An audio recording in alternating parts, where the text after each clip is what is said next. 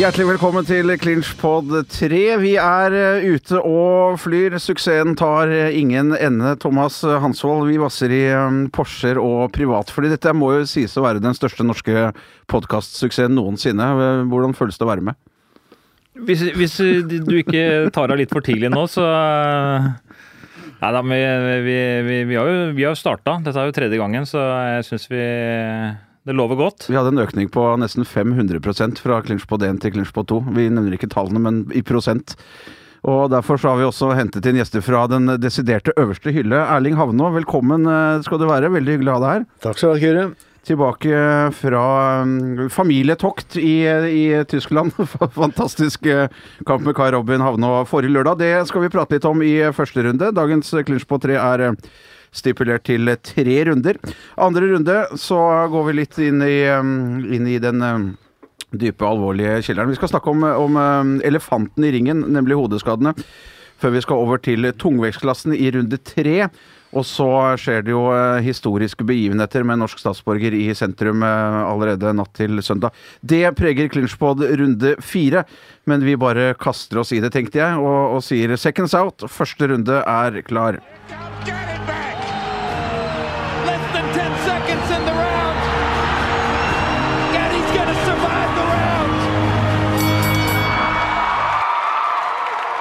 Sist lørdag senket Kai Robin Havno sin ellevte motstander i sin 13. kamp totalt, og står fortsatt som uh, ubeseira. Erling, hvordan var eh, familieutflukten til, eh, til Offenburg i Tyskland? Jo, det var greit, det. Det, det gikk vel litt eh, ja, raskere enn det vi hadde, enn hadde håpa på. Men eh, det var jo altså, Planen var jo å gå P fra starten. Vi visste han fyren var en fyr som gikk framover og kunne slå bra hooker og så, og så videre, av svinger. Så vi, vi var forberedt på å kontre. Og eh, etter første runde så sa han at jeg, hvis jeg treffer, så, så, så treffer jeg. Og det gjorde noe, da. Så, men det var ikke, det var ikke, han går jo aldri ut med plan om å prøve å knocke osv. Det gjør det ikke. Så øh, han var forberedt på åtte runder.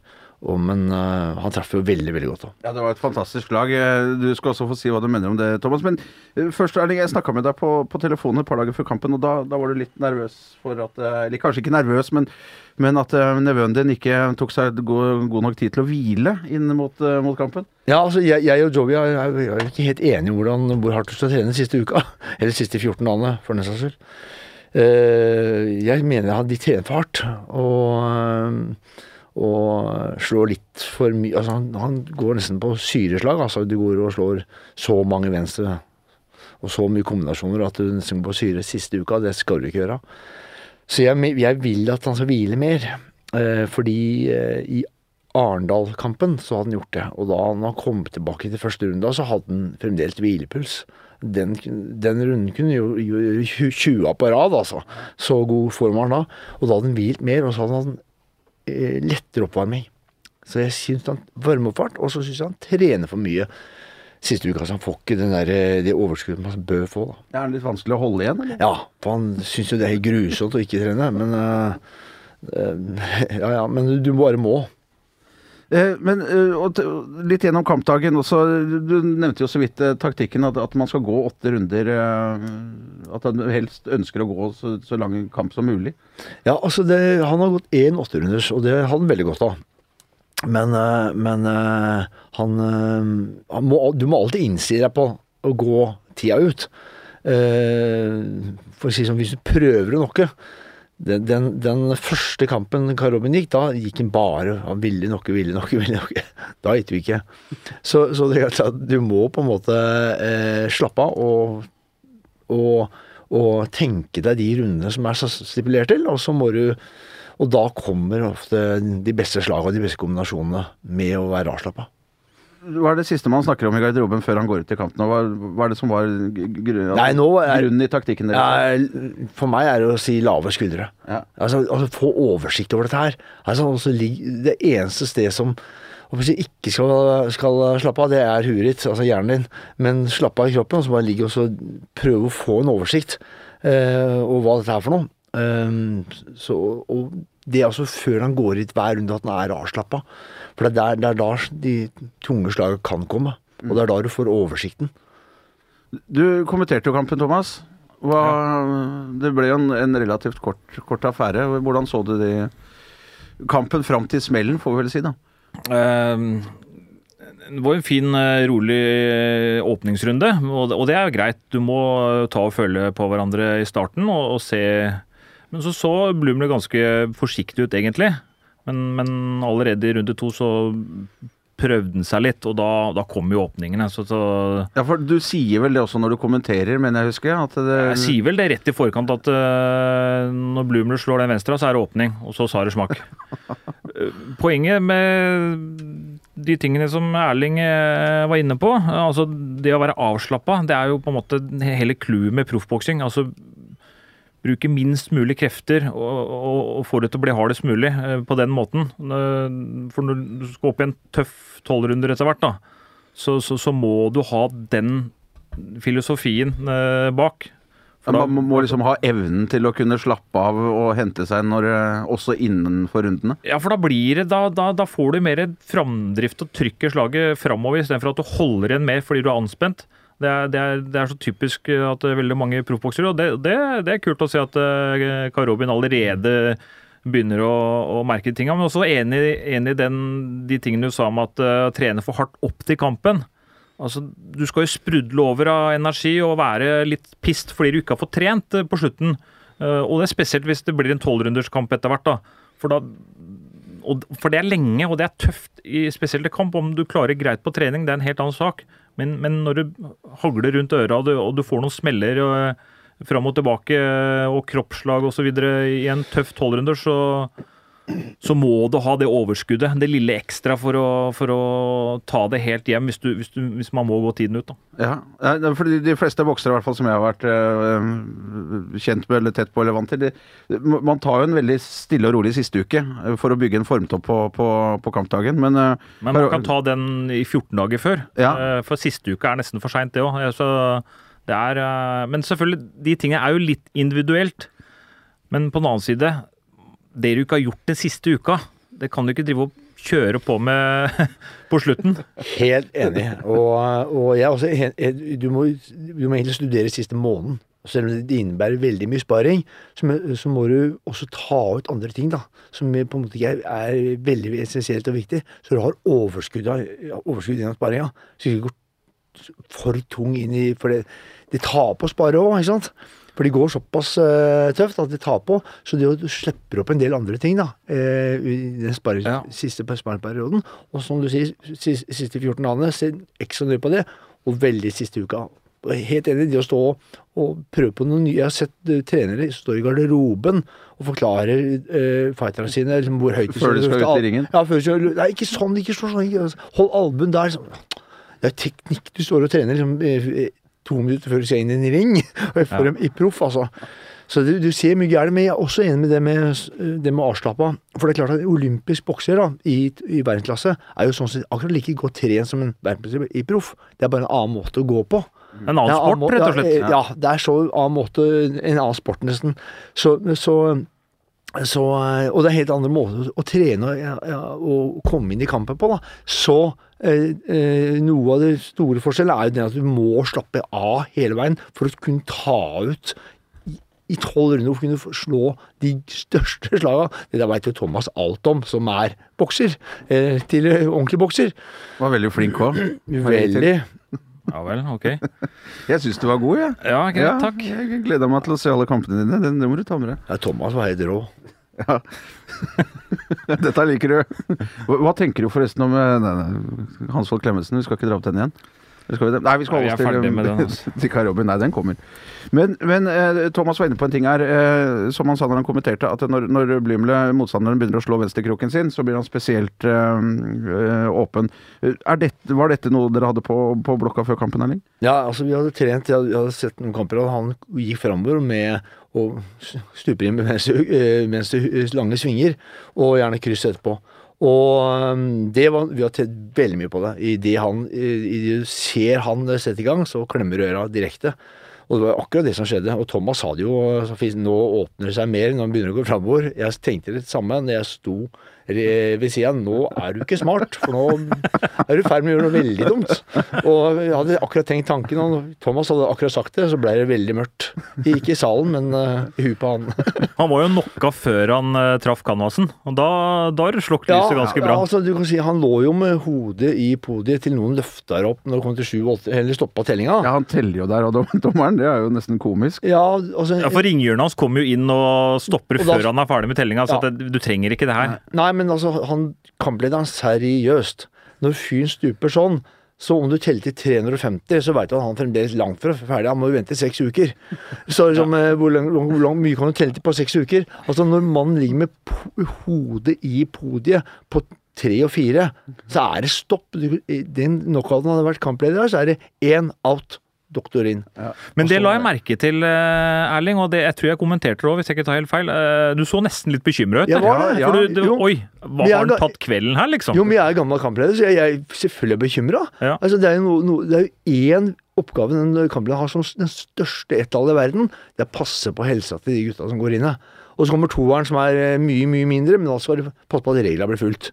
Det er først og fremst å beskytte folka, sa han kamplederen er. Og da skal du ikke stå og telle, men han ligger Nei, han, han i en rar stilling. Datt jo framover og landa oppå Ja. albuen, så man ser at det, det er Så jeg, jeg var bekymra, jeg var det. Mm. Men så, så når han begynner å slå venstrekroken, da sitter du i hjørnet og så tenker du Nå gikk du i fella vår? Eller? Ja, ja, eller nei, du må ikke gjøre det. For da.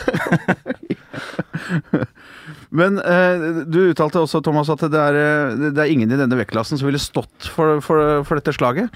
Jeg, jeg kan langt på vei tro deg, tror jeg på det, men eh, Ja. Og det er vanskelig å si hvor hardt dette var for oss som sitter og ser på TV. Vi ser jo eh, resultatene av det, men Altså, han, går jo framover samtidig som han går inn i den, så det blir sånn omtrent dobbel kraft. Men det er klart at cruisevekt er en veldig tøff vektklasse nå. Nå er det, det er kanskje på sitt beste nivå noen gang, eh, cruisevekt.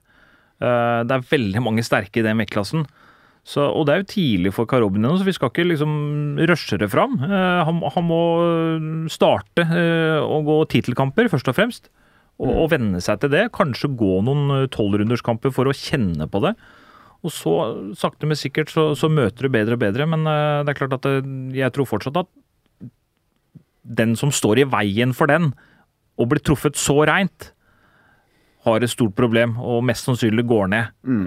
Uansett om han ja, heter det er- usyk eller gass Ja, eller hva som helst. Ja, Jeg jeg, altså. jeg, jeg skal ikke diskutere mot det. Det var en va- vanvittig slag. Og så, så, så hurtig. For det er ingen som tåler alt. Nei. Nei, jeg, jeg er helt enig. Alle detter. Uh, hvis du går inn i den, så detter alle. Sagt at uh, de beste går ikke inn i den. det er jo det som gjør forskjellen. Ja. Uh, de, er- de er så gode boksere at de, de, de er Skal Robin eh, da, da må han sette sammen noe annet. Da. Han må finne en annen måte å presse, presse på enn det han gjør nå. Så eh, Ellers kunne han jo blitt verdensmester nå, og det kan han ikke.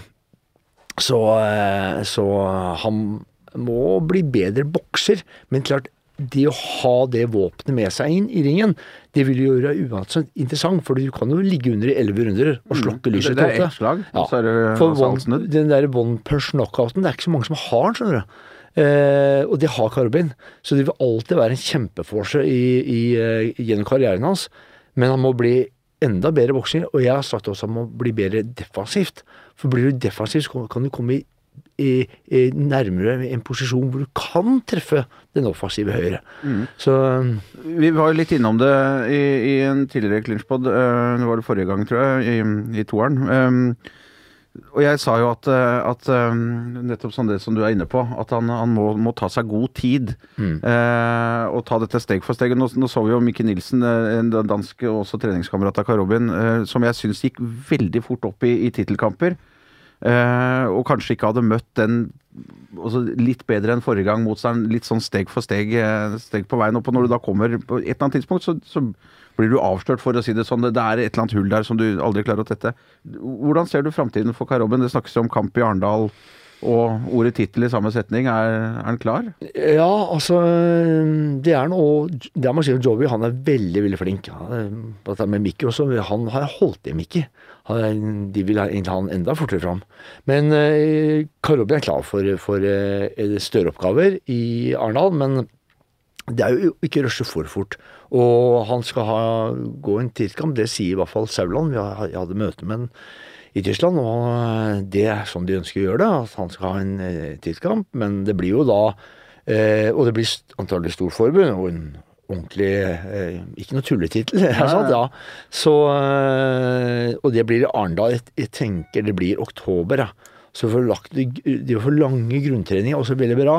Eh, og i, i de grunntreningsperiodene så har vi to dager i uka, antagelig blir det gjennom, eh, som da har funnet av dere skarpeste slaga vi trener i. da. For når jeg og Kai Robin eh, går på putter, så er det som jeg sier også, det er nesten mer en martial art. altså Det, det er veldig, veldig, veldig få slag av gangen, liksom. Vi setter sjelden sammen nå, og vi har god pause mellom hvert slag. Kjenner at det treffer riktig. Gjør mye seint. Kjenner at det, at det har fått riktig bane på ting. Og da, på den måten har han fått mye mer slagkraft. Hvordan ser du framtiden, eh, Thomas? Det, det, dette med titler først. Er, er det en naturlig step for Karobin nå? Det er veldig naturlig step nå, og hvis Sauland vil ha det, så, så får de det til. Eh, De sitter med direkte riktige kontaktene, og så har han såpass bra record som han har, så er det, det er faktisk på tide. Jeg tror folk forventer det også. Eh, Men får han bokse om en internasjonal tittel eller en interkontinental tittel, så, så er jo det et- en, en veldig bra start uh, inn i tittelkampverdenen også, og og det er jo på en måte forløperen til en VM-kamp. Og så hvis du, hvis du vinner en, en, en sånn type tittel og får, får forsvare den noen ganger, så er jo det gull for eh, Ja, altså du, du trenger den, eh, den biten der for å Før du skal kjempe om, om en VM-tittel. Ja, for det er mye erfaring også som ligger Ja, i en tittelkamp. Ti eller tolv runder, og, og, og det, det er jo et belte, det er nasjonalsanger og alt det som, som hører med. Du, du var jo veldig tett, eller du er jo den eneste i Norge som har hatt en bror som har vært verdensmester på herresida boksing. Eh, hvor mange likheter ser du her? Både cruiservekt-klassen som Thomas var inne på, som kanskje aldri har vært bedre, og også i, i å trene med Magne kontra Karobin. Mm, ja, jo det er, jo en del likheter, selvfølgelig. er sant. Eh, hvis vi holder på med, med, med trening, altså den typen de er eh, Magne var jo mer worker. Altså han er mer sånn som satt sammen mange slag. Eh, og var veldig, veldig utholdende. Og, og mens Karobe er en mer eksplosiv type. Så han, eh, hvis han skulle boksa som Magne, så hadde han ikke fått den eh, slagkraften. Det er ikke sjans. Så du, du kan ikke få begge deler. Magne eh, var veldig seig. Altså, det er det han var. Altså, Magne, Magne var veldig seig. Han kunne slå, slå, slå i evighet. ikke sant? Og han slo dem i filler til slutt. da. Men Karobe er jo ikke sånn. Han, hvis han begynner på den, det løpet, så vil han aldri i verden komme noen vei. Han må ta det man er best på, nemlig det å få det eksplosive til eh, krafta. Som typer er de ganske så like, da, så, at det- som mennesker, altså. Eh, like vanskelig skråstrek lett. Eh, eh, og Kar altså, også er like vrien å få til å endre noe. Noen ganger som jeg viser ting. Ja, men hvis du gjør sånn Ja, ok, det går an. ser jeg gjør det. Ja. Han vil ikke høre bunkeren sin. Nei, nei, nei ikke, ikke veldig, da. Så, så, men det, det glir inn etter hvert. Magne var enda vanskeligere. Han, øh, han måtte, måtte man liksom prate så mye at han trodde han fant det på sjøl. Eh, da, da, da, da gikk det igjen, liksom. Så, eh, så de er jo samme, på en måte samme typer. Og, og når du snakker om cruiservektklassen, det er klart, den er steinhard nå, altså. Den har jo aldri vært bedre. Det er jeg enig med Thomas i. Ja. Det, Det, var, det var ikke sånn når, da Magne var aktiv? Nei, det for, det er klassen satt på en helt annen måte nå. Og, og så er det jo øh, kommet opp fra 190 til 200 pund. Det er på cruiservektklassen. Det er den eneste klassen der, der i profesjonell boksing har, mye, har større vekt øh, øh, Flere kilo, Ja. flere, flere kilo enn det er i olympisk boksing. Mm. Så, øh, for det går fra 79 til 91, eller 90,7. Mm. Mens eh, i, det er 81 til 91 i olympisk boksing. Eh, Ellers er det tettere i, i proff, da. Ja. Så det er, det er klart det er en stor klasse sånn sett. Og så er tungvekterne blitt så svære eh, med åra. Eh, De er blitt kjempestore at eh, eh, veldig mange av de som veier eh, 98, går ned i cruisevekt. Som er, altså, du kan si at eh, Ali veide 97. Joe Frazier veide 93 når det var i knallform. Joe Forman veide kanskje 101-102. De er små. Ja, de var egentlig cruisevektere sett etter dagens Ja, eh, faktisk. ja.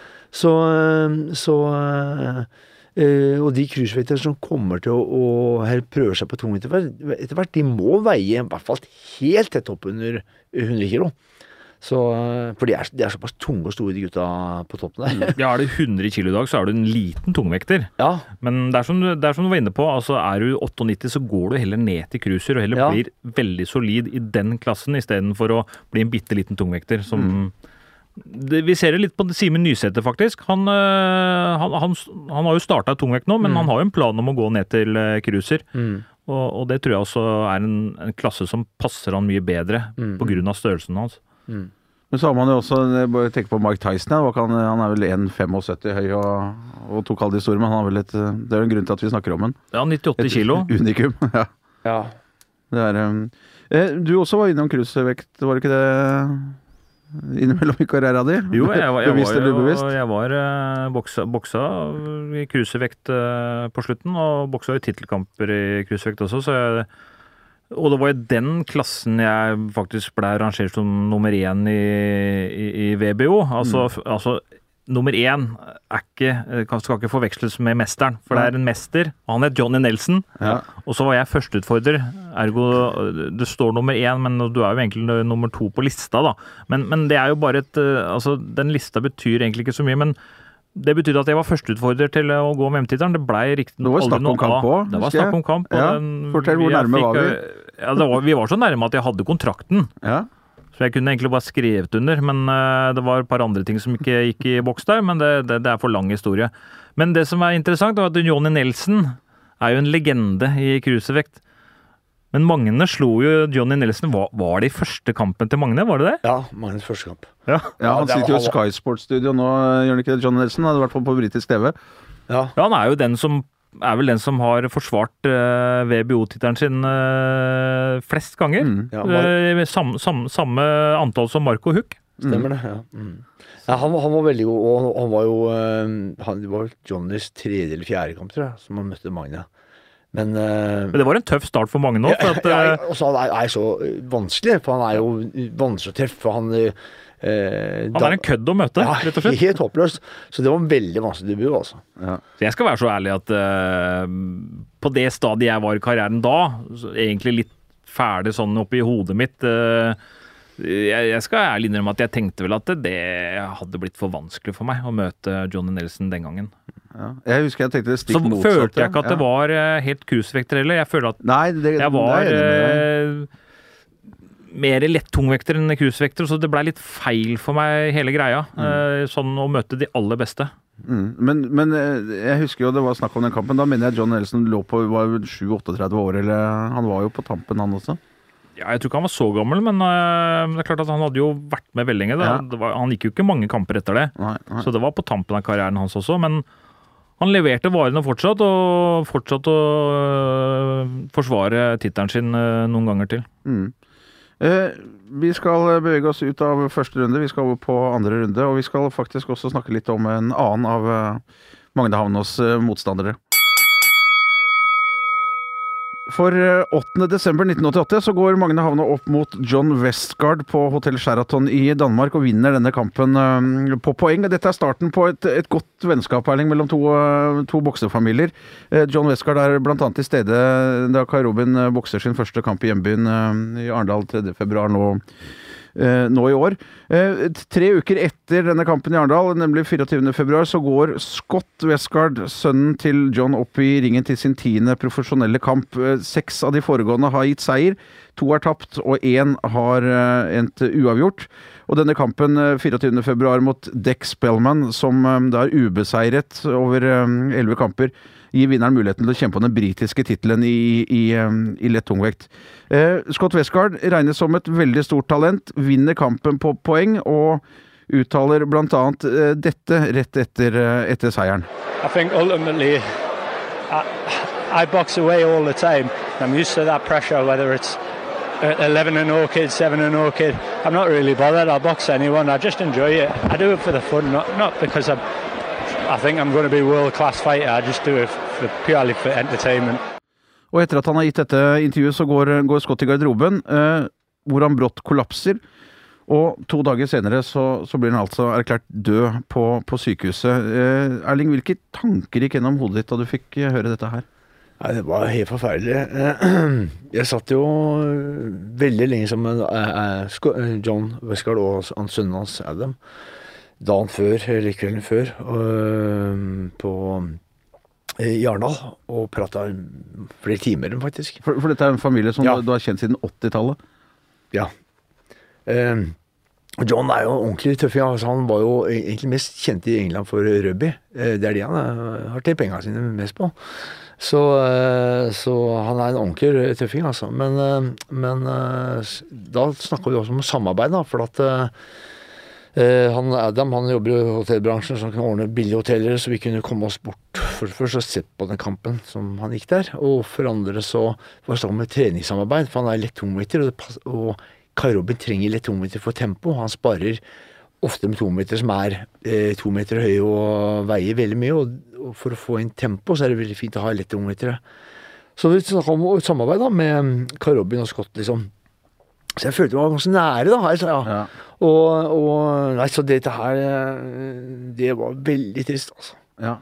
Hvordan Altså, du, når du sier du er jo såpass nært, og så skal jo Karobin opp i ringen din. eh, Ja, man gjør så, men sånne tanker har gjort meg veldig mye gjennom livet òg. Altså, jeg, jeg har vært kampleder i- på sett, vært opplevd stygge knockouter. Som heldigvis har gått bra, men, eh, men man vet jo hva slag til hodet kan medføre. Og det er jo veldig individuelt. Problemet er det å oppdage det før. Nå er de flinkere nå enn før. Men jeg, jeg, jeg leste et eller annet sånn, eh, eller, eh, Jeg leste et eller annet sted at, at eh, eh, hva skal jeg si, 5 har, eh, har eh, mer enn dobbelt så lett sjanse for å få en blødning enn det gjennomsnittsmennesket har. Og så er det noen også som eh, en halv prosent som har eh, 50 ganger lettere enn gjennomsnittsmennesket. Så det, det er veldig veldig vanskelig å fortelle, for å si hva som er inni, inni den hjernen. Og det er jo mennesker som husk på at aldri har slått hodet, som er 20 år gamle, som kan stå i en dusj og klakke sammen uten å få noe slag, fordi de revner.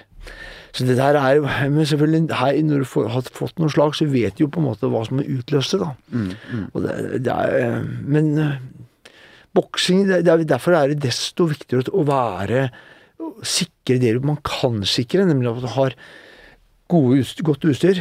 Det er veldig viktig å ha gode hansker. Eh, ikke minst på treninga, at man bruker eh, store hansker og skikkelige hjelmer. og at man går relativt lett. At de sjansene man tar, tar man stort sett i kamp. Eh, legger borti. Folk sparer ofte altfor hardt òg. Ja, for, for der også er vi inne på noe. Dette skjer også i desember i Sverige. Uh, Erik Skoglund, og det, det ble veldig nært for meg, og sikkert for deg også, Thomas. Vi husker jo svenske Erik Skoglund fra da vi kommenterte sammen. Vi kommenterte vel de 10-11 første kampene hans. Ble kjent med faren og moren hans som alltid var der. Samboeren hans. Uh, veldig hyggelige mennesker. Og så faller jo han da sammen under, under sparring på trening. Ligger tre uker i koma og har jo nå kommet tilbake til et visst, visst, eh, visst liv igjen. Eh, det, det blir jo Hvordan påvirker det deg, Thomas? Altså, det er en påminnelse hvor tøff denne sporten er. Eh, og jeg er også tilbake til Scott Westgard. Altså, det, det er utrolig tragisk. Altså, det, det er sånn Det er så urettferdig. Eh, og faren hans, ikke sant, John Westgard han møtte ikke bare Magne, han møtte faktisk Steffen Tangstad også. Den eh, andre gangen Steffen Tangstad ble europamester, så, så var det John Westgard eh, som var eh, motstander. Han tapte 2-1 i København, altså. Ja, ikke sant? Så liksom det, og når du kommer fra en boksefamilie, og, og tenk deg det for John Westgard, sønnen hans går bort i ringen, ung gutt.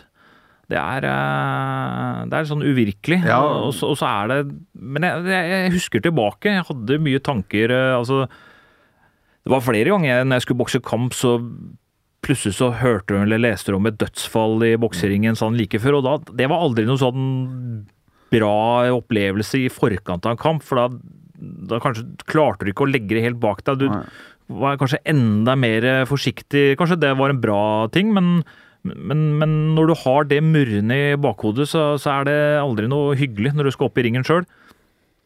Så eh, Nei, det blei veldig nært, som du sier, med Erik Skoglund. Ja. eh, 26 år og kanskje det største talentet i Sverige. Plutselig så segner han om eh, på trening og, og liksom er kanskje ødelagt for livet. Eh, Jeg tror neppe han blir noen bokser igjen. Eh, Jeg tror han først og fremst skal eh, være glad for at det gikk såpass bra som det gikk. Mm. At han kan ha et full, fullverdig liv, i hvert fall. For det, det, det er det motsatte av, av Edvard Gutknecht, eh, tidligere tyske europamesteren. Eh, Tidligere treningskamerat med Cecilia Brekkes også i Team Sauerland, eh, som gikk mot, mot George Gross. Eh, han, etter det jeg har hørt, så kom, trenger vel pleie, pleie resten av livet. Og der, den kampen husker jeg veldig godt. Den gikk i, i, i november 2016. For da sitter jeg sammen med samboeren min og ser på boksing, hun også har en viss interesse for det her. Og så sier jeg til henne at det, nå kunne han dommeren like gjerne ha stoppa dette her. For da går Gutknecht og bare tar slag. Og så som jeg sier til henne, nå har jo ikke han slått på to runder. Altså Dette her kan man jo bare stoppe. Og så sier jeg bare sånn fleipete, eller så blør den ut av øra før kampen er ferdig. Og så dette er noe sammen i garderoben etter kampen. Noen ganger så er det jo helt jævlig å få, få litt rett. Men, men der er vi samtidig kanskje inne på noe som man kan gjøre, hvis vi ser bort fra forbud, ikke forbud. Hva er det man kan gjøre for noe? Erling, du nevnte hanskene. Ja. Thomas, du har snakka om rundene før. Ja, altså jeg, jeg er av den oppfatning at uh, i proffboksen så trenger vi Altså, vi trenger ikke mer enn åtte runder, egentlig. Man får gjort veldig mye på åtte runder. Vi trenger ikke de siste fire. For det er ofte der eh, skadene kommer. Det, det er liksom så mange trøkkere ute i rundene når du, når du begynner å bli sliten, utmatta. Du har tatt mange smeller. Kanskje du har vært nede en gang eller to i løpet av kampen også. Og, og så skal du liksom tyne det veldig lenge. Eh, Det tror jeg ikke er, er bra. Og så er selvfølgelig dommeren har en veldig viktig jobb, eh, som vi var inne på tidligere. Og jeg er helt enig, jeg kommenterte jo den Goodknecht-kanten mot, eh, mot Groves, og, og dommeren kunne vært enda mer eh, Altså, han kunne være mer bestemt og, stoppa det tidligere, men også, da også hjørnet et et ansvar. Eh, Hvis ikke dommeren gjør jobben sin, da må Jørne gjøre jobben sin, for bokseren vil jo ikke gi seg. Nei, han, han har et instinkt. Han kjemper på til, til han faller om, altså. Mm. Så, så det, det, det, er, det er todelt. Altså, det er både eh, sekundanten og, og, og dommeren som, som har et veldig stort ansvar. Du, du sa en veldig fin ting rett før vi gikk på her, Erling, om angående dommerne, hvordan man burde tenke. Ja, altså, eh, ja, altså Jeg har vært dommer i veldig veldig mange kamper. er tross alt kickboksing. Men jeg, så lenge jeg er fullkota, så blir det jo det samme. Det er mye knockouter der òg. Ja, men jeg, jeg hadde jeg, jeg, filosofisk inngang til, til ting. Og jeg, når det var VM, og så fikk jeg alltid være ropt opp eh, for å være referee i farlige kamper. da. For jeg stoppa det. Og, og um, jeg, altså, som kampleder skal du gå inn, og så tenker jeg nå er det to sønner av meg som skal gjøre opp i konkurranse. Jeg har lagd nå reglene, og så skal jeg sørge for hvem som vinner. Og da eh, skal jeg prøve å finne ut hvem som vinner. Det er best dette her. Men det er én ting som er hovedsaken. Jeg må passe på disse sønnene mine. Og at ingen av de skader seg. Det er jobb nummer én for en kampleder. Eh, og så må han passe sånn noenlunde på at reglene er fulgt. Men først og fremst er å passe på dem. Så poenget er, noe av poenget er at du må ha voksne folk som er voksne i huet, ikke i alder, men som er voksne folk, som må stå der og ta ansvar. Og om du så kaster Jeg sa det da jeg var kampleder sjøl. Jeg vil mye heller at 100 mann sitter og forteller hvor dust jeg var, som stoppa dem i EM og VM og NM og you name it. Eh, mye heller det enn at én mann ikke kan si det. Ja. Så Heller litt for tidlig Ja. enn litt for seint. Ja. Det er liksom mottoet. Jeg er helt enig i det. Fordi der, der er det faktisk noen dommer som lar det gå for langt. Og da Ofte har de ikke boksa sjøl, dette. Nei, nei, De har det. ikke peiling, ikke sant. Du, du gjør jo det som vi også snakka om i forrige Clinchpod, eh, da vi er nede i, i Berlin, eh, Lihaug mot, eh, mot Abraham. Da velger du å kaste håndkle eh, Ja, jeg velger å kaste håndkleet Ja. jeg ser at dette her Her er ikke noen flere muligheter. Annet enn at det, neste scenario nå er at han blir slått stygt eh, knockout. Og det, og det, det trenger vi ikke. Altså, og da må jeg passe på altså, da, da, som sier, da er han sønnen min, og da må jeg passe på han. Og, og, og øh, gjøre det jeg kan for at han ikke får en ordentlig skade. Altså. eh, ja. For, altså, for, altså, I boksing, det å være, vi- være vi ute etter, da, jo, det er å, vi- å kåre en vinner. Og hvis det åpenbart ikke kan vinne, da kan det like gjerne stoppes. Ja, er, altså, hvis, hvis du skal få juling i åtte runder, hvorfor skal du få juling i fire til? Ja. Altså, det er, Altså, du er sjanseløst. Djengis Khan sa altså, bare en idiot kjemper en kamp han veit han ikke kan vinne. Ja. Og, det, og, det, og sånn er det litt. altså, det er ikke noe vits når du Men- ser hvor, hvor det kommer til å gå. Og, det, og han, han eh, fighteren som står der og koker av både testosteron og adrenalin og alt det som finnes i sånn ung kropp, og bare ser framover, han har ikke hjerne til å tenke det. Det må voksne folk gjøre. og Han, han voksne han enten står som kampleder eller i, eh, som trener, eller det er et overordna forbund som forteller om antall runder osv. Og, så og lager reglement som, som er på en måte tight nok. Så, men øh, vi må hele Sånn er jo alle ting i livet. Vi må prøve å leite etter bedre ting. Etter bedre måter å gjøre på. Og det må Åtte runder kan være for eksempel For du når du gikk fra 15 til 12, så hjalp det veldig mye. For veldig mange av de stygge tinga skjedde i 13., 14. og 15. før i gamle der. Også i 12 så skjedde mange stygge ting i, i, i Så jeg tror også det å gå ned i antall runder vil være bra for sikkerheten. Det er lenge nok. altså Kampen er lenge nå, varer jo, og, det, og det er kanskje enda mer action i løpet av de åtte rundene. Men om jeg tror det kommer til å skje, det, det tror jeg faktisk ikke. Det, det Er det er I så fall lenge til.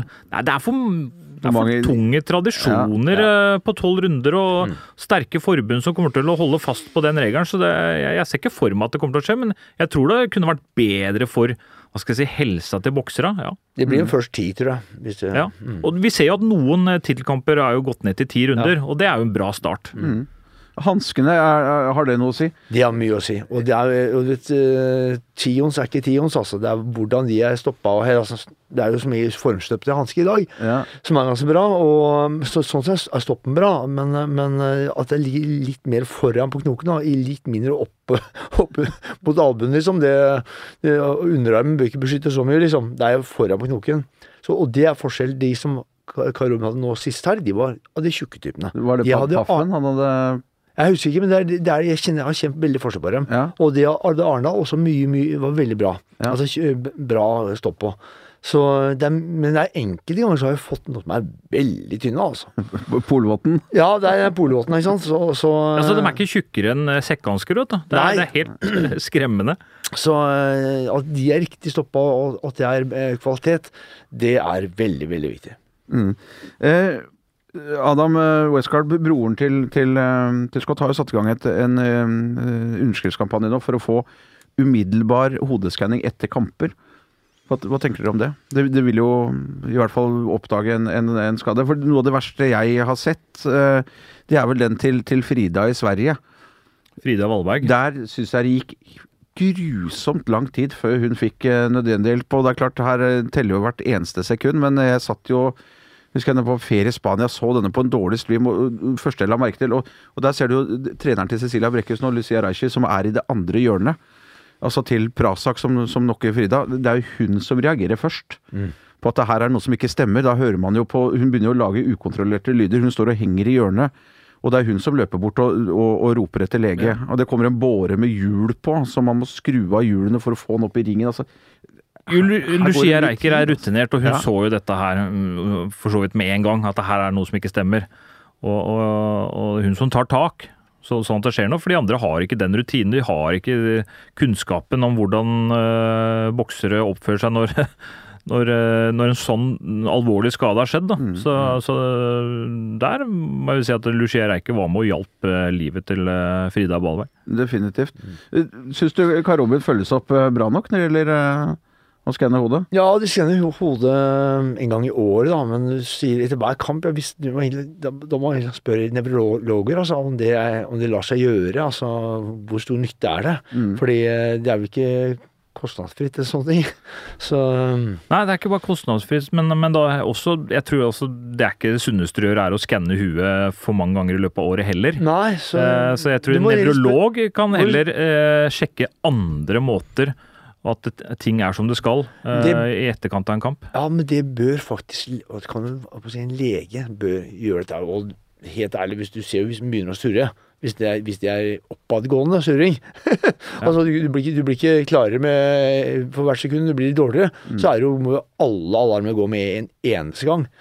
Så, Men, men en annen ting de kanskje kunne ta tak i, er at eh, du må ha lengre pause mellom kamper. Altså, for at Én ting er at du får karantene hvis du har blitt knocka, eller, og sånne ting. Men hvis du har gått en, 12, eh, eller en hard tolvrunderskamp og tatt mange smeller, så kan du i prinsippet gå en kamp eh, bare noen uker etter. Og det er jo altså Det er sjelden noen de gjør det, da, men det kunne vært kanskje enda eh, strengere på at uh, verken sparring eller kamp kanskje i tre måneder, to måneder, i hvert fall hvis du har gått en tolv halv- eh, eller en, en tolvrunderskamp.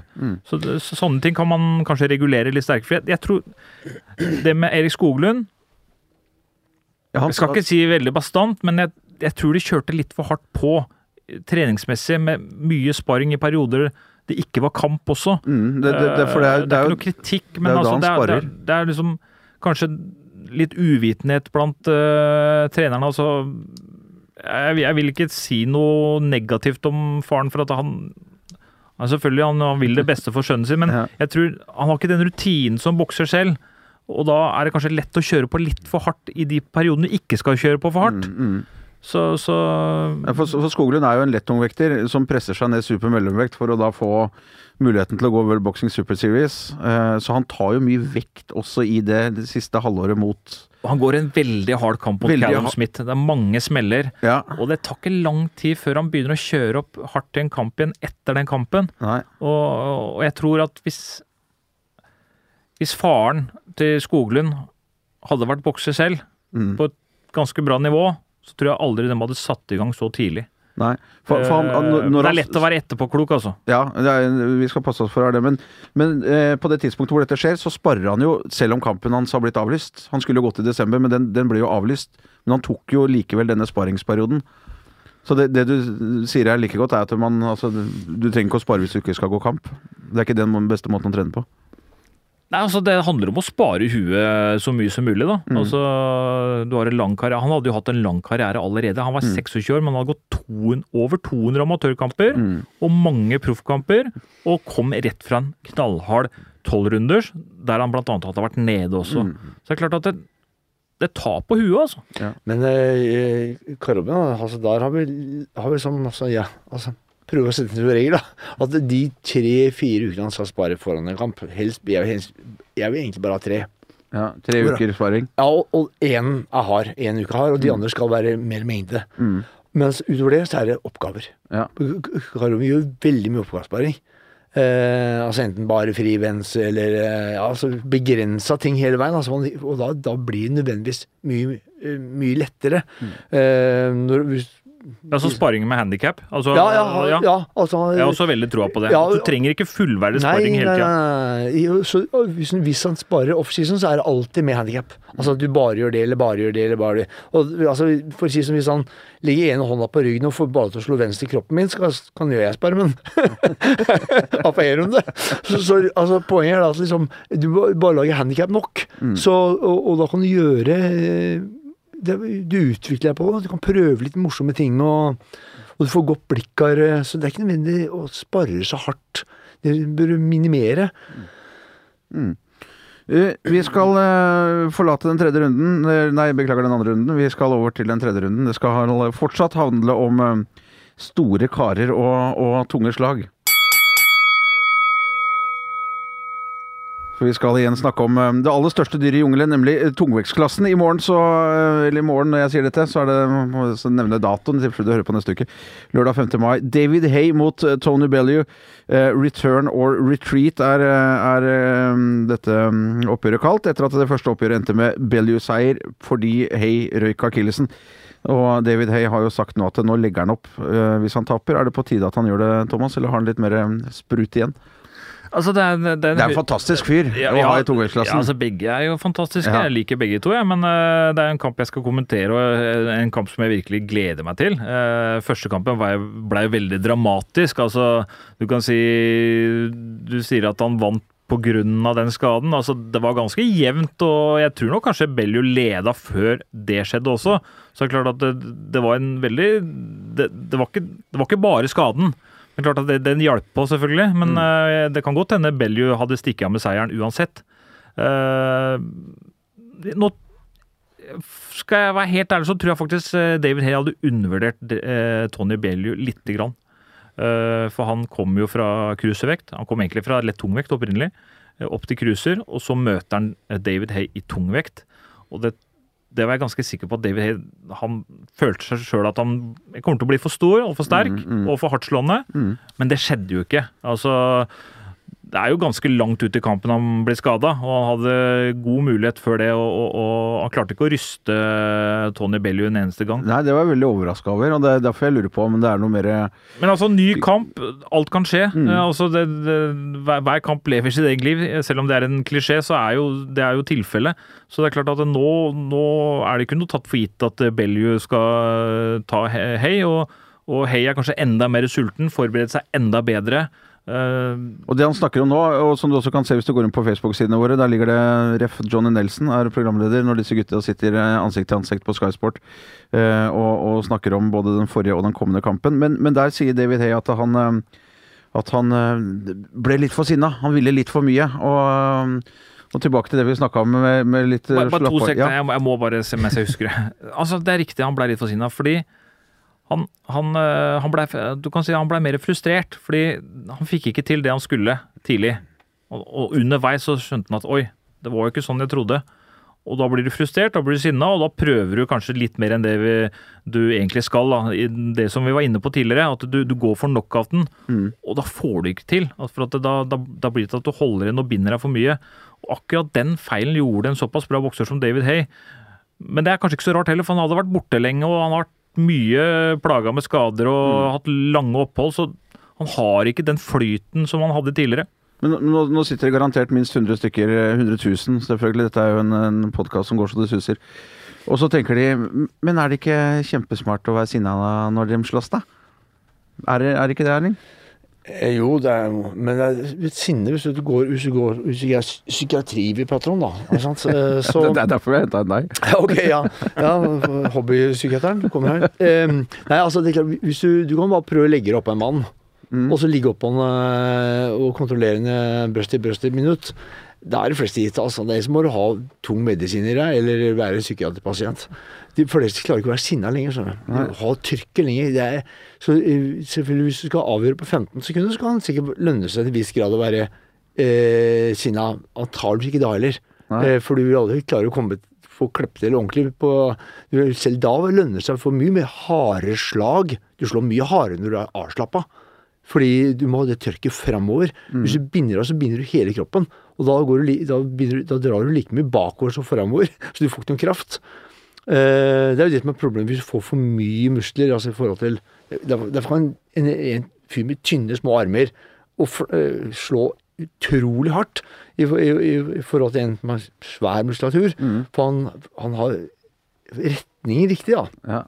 Så, så øh, Altså, jeg mener du kan se veldig mye Du må hente mye fra andre idretter òg, altså for å finne ut det der. Men, øh, men det lønner seg ikke å være sinna.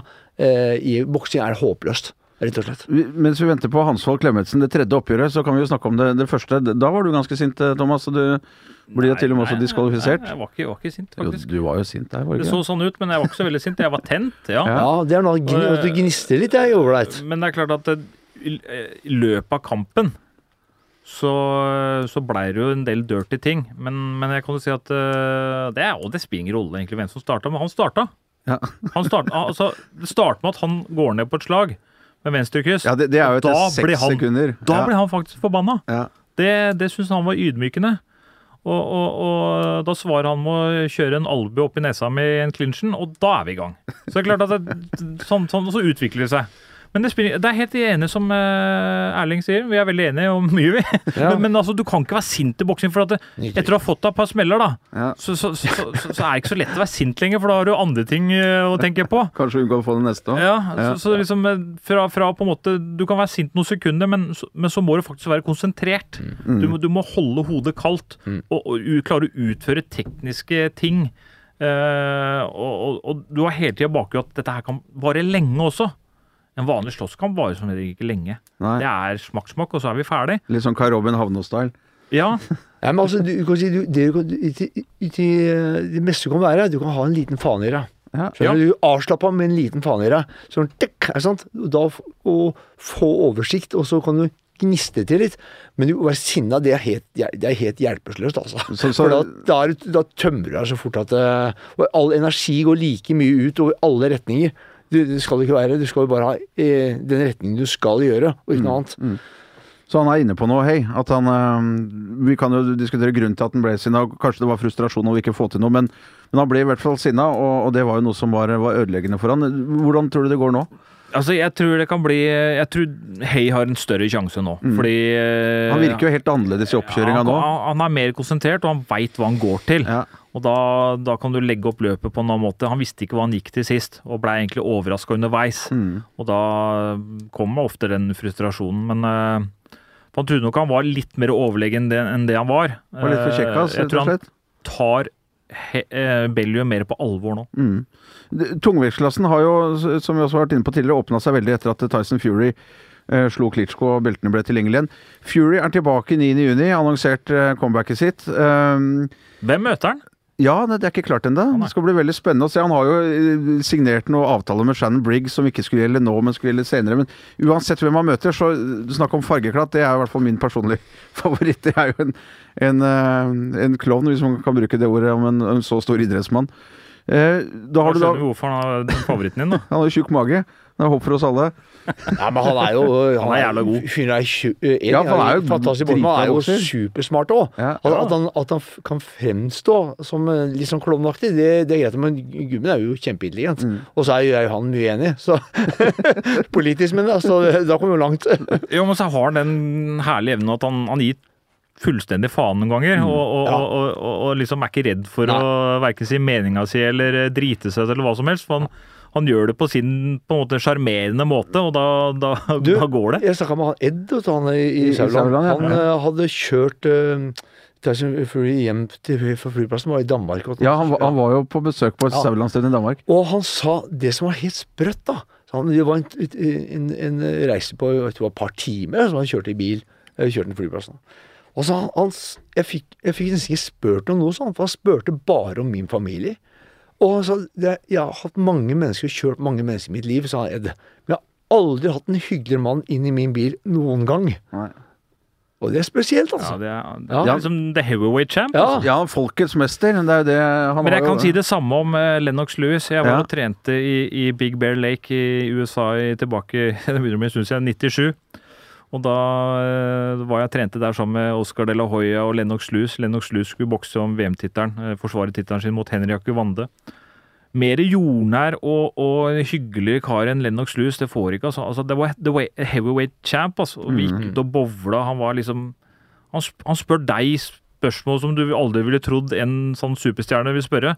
Og det er hyggelig å høre at uh, Tyson Fury Ja. eh, er på samme måte. Altså, han, Det- han, sa eh, han måtte prate masse om familie, om far. min var interessert i faren min og mora mi. søsteren min. Altså, hallo! Du er verdens altså, Kanskje den som den virkelig store stjerna, og han, han som kan virkelig få boksing til å virkelig skinne igjen, er jo Tyson Fury. For han er den Ja. farveklatten og det som alle vil se. Han er en herlig fyr. Ja, ja. Men, men tilbake til Big Bear. Altså, 4. juli, nasjonaldagen i USA, så står vi på, ved vannet, Big Bear Lake, Ja. og, og, og ser på fyrverkeri. Så plutselig så kommer en og knipser meg på øret. Jeg snur meg rundt, og så, og så, så gir han meg en liten ørefik, og det er Lennox Lewis, og, og gliser og gir, gir meg fem og går videre. Så liksom Kult. Cheers. Herlig fyr. Flaks for han at du var i godt humør da, ikke var sinna. Flaks at uh, jeg bare sto stille og, og, og tok den. Ja. Det, det, det sirkulerer også en video, har jeg sett i sosiale medier, eh, hvor Lennox Lewis møter Deontay Wilder. De står på en eh, parkeringsplass. Jeg tror det er Lennox Lewis sjøl som har lagt den ut.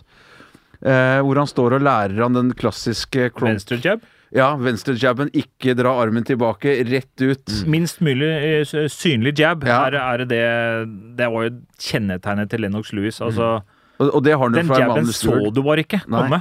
Ja, men han trykker fram. Ja. Altså, du kan si han, han starter nesten med å dytte den bare rett inn. Han trykker den fram Eh, uten å vise noe. ja. Og det, er, det, er, det, det, er, det ser så lett ut, men det er kanskje det vanskeligste du kan gjøre Mm. i en kampsituasjon. For når du blir ivrig, så, så, så, så blir Så drar du armen litt bakover, og Ja, du viser for mye Ja. før, før det kommer, da. Om, Mm. om det er øya dine eller skuldra dine, hva som helst. Men den smakk, sa det. Den, Så du kan, hun den kan du nesten ikke trene nok på, altså. altså det, Den kan aldri bli bra nok. Nei, nei. Og det, det er jo litt klassisk Stuart-tankegang òg. Er det ikke alt skjer bak en bra jab? eh?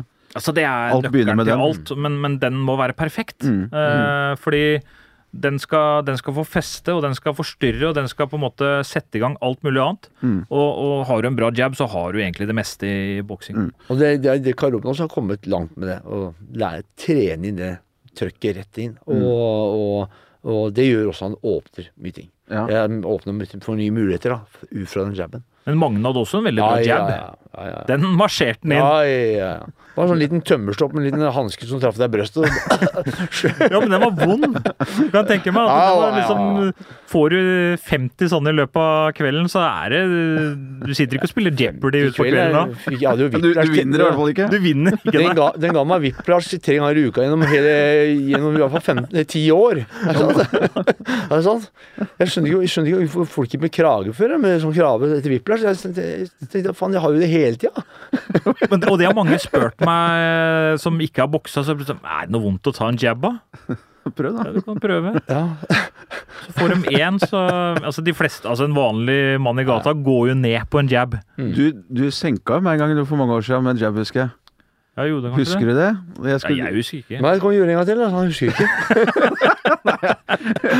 Rekonstruksjon. jeg skulle lage Jeg jobba i lokal-TV-en, og så skulle jeg lage et eller annet innslag. Så skulle jeg ned og så skal jeg bare gå litt med deg. Jeg husker når det var. ja. Det var i 97, var det ikke det? Jeg var rundt der en eller annen gang. Ja. Og da husker jeg, da kom jeg inn der, og, og, og, da, og da var det vel første jabben. Den gikk jo rett inn, og jeg flaksa jo bak i tauene, og kameradama oppe og le seg i hjel. Jeg husker jeg ble så sur. Så den videoen ble, lag- ble aldri lagd ferdig, i hvert fall. Den ble aldri vist heller. den? Nei, den eh, kom aldri ut av kamera engang. Jeg måtte gjøre den en gang til. Var en gang hadde kassett, så og dro ut hele Men tenk deg sjøl. Erling.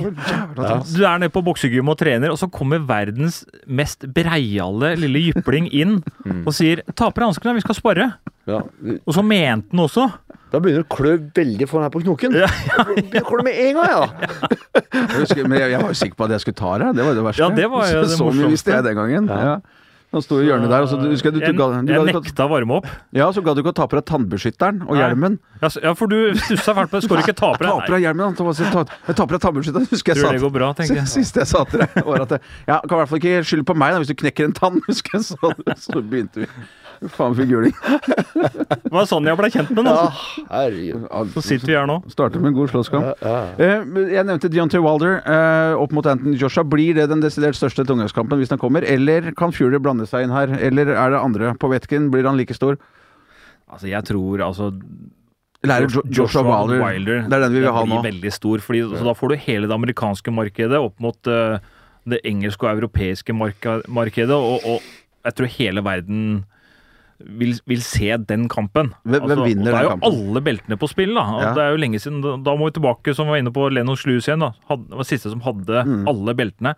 Uh, det blei jo aldri noe av alle belt, at alle beltene gikk et sted pga. brødrene Klitsjko hadde hvert sitt, og en hadde flere enn andre. De ville ikke møte De hverandre. ikke møte hverandre. Så, så nå har vi, har vi endelig muligheten til det igjen. Mm. Og jeg kan ikke se noe større kamp i tungvekt enn eh, akkurat den kampen der. Men hvem vinner? Erling Wilder, Joshua. Det er det ingen som veit. Nei, det er ingen som veit. Det- Men, eh, Jeg må bokse først. Ja, ja, Ja, men jeg tror, hvis jeg skal tippe, så blir Ja. det Joshua, tror jeg, da. Ja, jeg har en favoritt. eh, Hæ? Ja, altså han som favoritt. Jeg Ja, men tror Står han for den høyra til Wilder? Jo, men den er så synlig. Altså, Ja, han ja, han veiver den inn, og så treffer han, så blir den jo veldig hard, selvfølgelig. Eh, men det er klart at han, han er mye mer stor i bevegelsene. Eh, Jeg syns Joshua har blitt veldig god på å korte inn slagene sine. Mm. Eh, eksplosivt og korte slag, eh, det er jo noe jeg er veldig glad i. Eh, Wilder, han veiver mer og liksom Det blir veldig stort, Mm. og igjen veldig synlig. Så det er klart at eh, Så er Joshua sterkere òg. Ja, ja, ja Han har bedre fysikk, altså. Ja. 15 kilo. Eh, Gutter, vi må hoppe videre. Vi, har en siste, fjerde spennende runde igjen. Det skrives idrettshistorie, ikke bare norsk, men internasjonal, når Cecilia Brekkhus går i ringen natt til søndag. Og det må vi prate om i, i runde fire. For eh, norsk tid, altså. Og som eh, det ble klart i går, sendes på VG+. Det må vi gi de litt kudos, eh, kudos for. Eh, så går jo altså Cecilia opp mot, mot eh, denne, denne Reis, litt ubeskrevne bladet, i hvert fall sett med, med norske og europeiske øyne.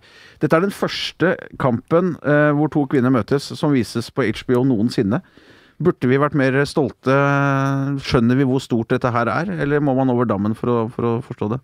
Jo, men er vi ikke litt stolte av det? Altså, jo hun, det. eh, Igjen så, så skriver hun historie og, og, og, er en banebryter. Eh, vi må være altså, såpass ærlige å si at det var Cecilia som fikk proffboksing lovlig i Norge. Hun som gikk i bresjen.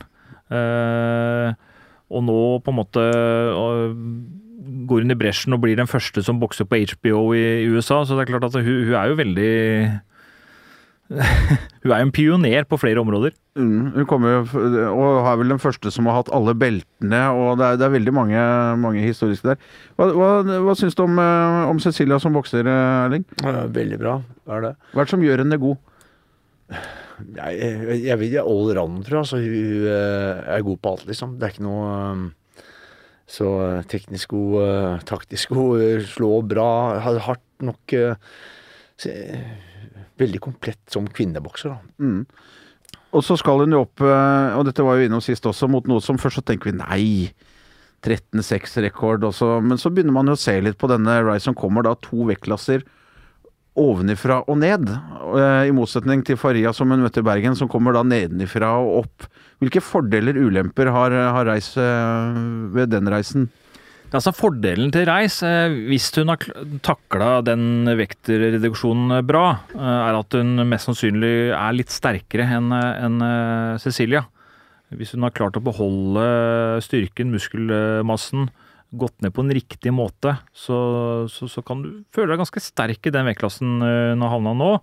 Eh, andre fordeler, altså hun er en underdog. Hun har ikke noe å tape. Ingen som forventer så veldig mye av henne. Eh, det, du har jo ikke noe press på deg i den forstand da. Det, det presset du har da, det er bare det du legger på deg sjøl. på en annen side så er hun, hun er en bra bokser. altså Jeg skvatt jo veldig når jeg fikk høre eller så eh, recorden og alt sånn, og så tenkte jeg faen, det her er jo Det blir for dumt. Dette er slakt. Men så så jeg litt på bak tallene, og så Jeg veit at man skal ikke se seg blind på en recordliste. Altså det er alltid Det er en historie bak eh, alle kampene her. Men så så jeg på henne på YouTube og, og så en del kamper, og så, hun her er god. Og hun vinner jo, sånn som jeg ser, mot Kristina Chris- Hammer. Verdensmesteren i, i supermelding. Ja. er- Syns hun blir bort, ja. bortdømt der. Ja. Og, og, og, flere andre av de tapene er jo veldig jevne, og det kunne Lisko gått, gått hennes vei. Så det er klart at hun har en record som ljuger også. Mm. Og så er hun en, hun er en bokser som tar midten av ringen, søker seg alltid fram, og går for å slå ut motstanderen sin. Mm. Og så og så har hun eksplosivitet. Ja, ville Ja. kroker, men, men uh, solid bokser, altså. Ja. Eh, overraskende bra. Og, og Cecilia Jeg tviler på at Cecilia klarer å presse henne bakover, og da, da får hun en kamp der hun på en måte er under press. Mm. Så får vi se da hvor flink eh, Reis eventuelt er til å skjære av, komme seg helt innpå, eller om Cecilia går inn og holder. For jeg veit at Cecilia er ikke så komfortabel i, i infight Og Så, videre. så det, det er flere scenarioer her som på en måte er interessante. Er det mulig å si litt om altså, Cecilias road to victory her? og Hva må hun gjøre, hva må hun absolutt ikke gjøre hvis dette her skal gå hennes vei? Du nevnte jo infighten. Det er jo et sted Altså- hvor, hun, eh, hvor Reis er, eh, er veldig god. Sånn typisk amerikansk bokser. eh, Stå toe to toe. Jeg, Jeg tror i hvert fall i de første tre, fire, fem rundene så tror jeg hun må stikke jabben og flytte seg. Og liksom bokse smart. mm. Uh, og, og kanskje litt kjipt, dessverre.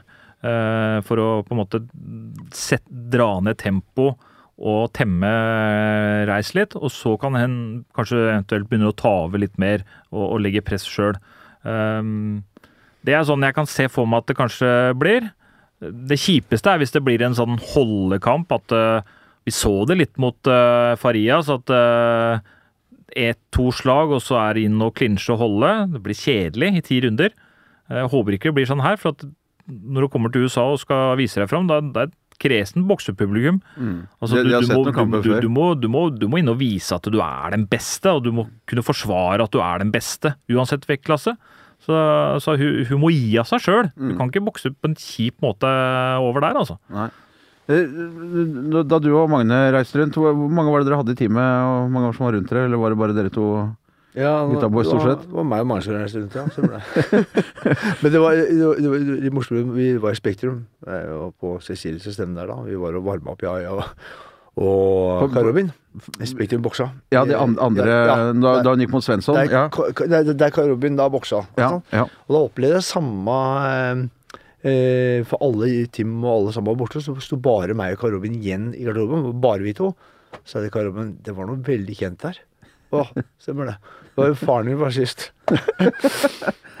Så du fikk Fordi- det før fordi, Jeg fikk samme følelse, for da var Joey sjuk, så jeg måtte Ja, være helt stemmer. alene. Ja.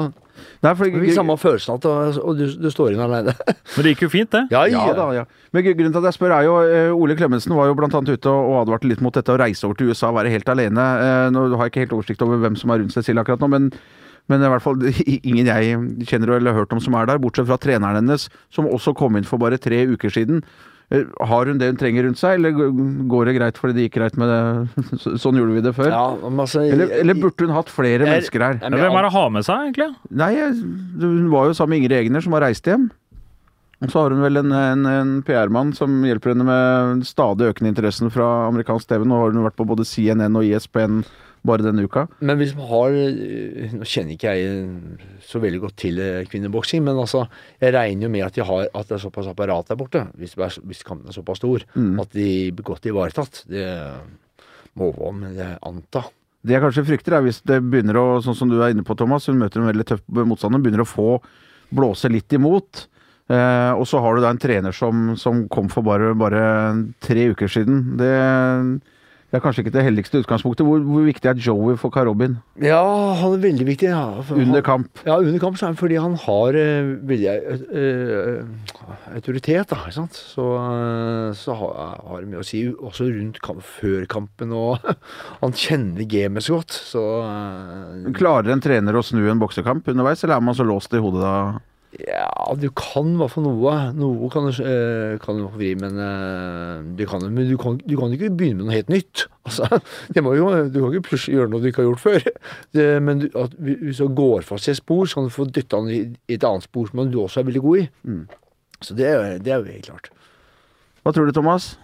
Vinner Cecilia, og eventuelt hvordan skjer det? Ja, hun er jo favoritt. Nå har du og- muligheten til å bli profetisk.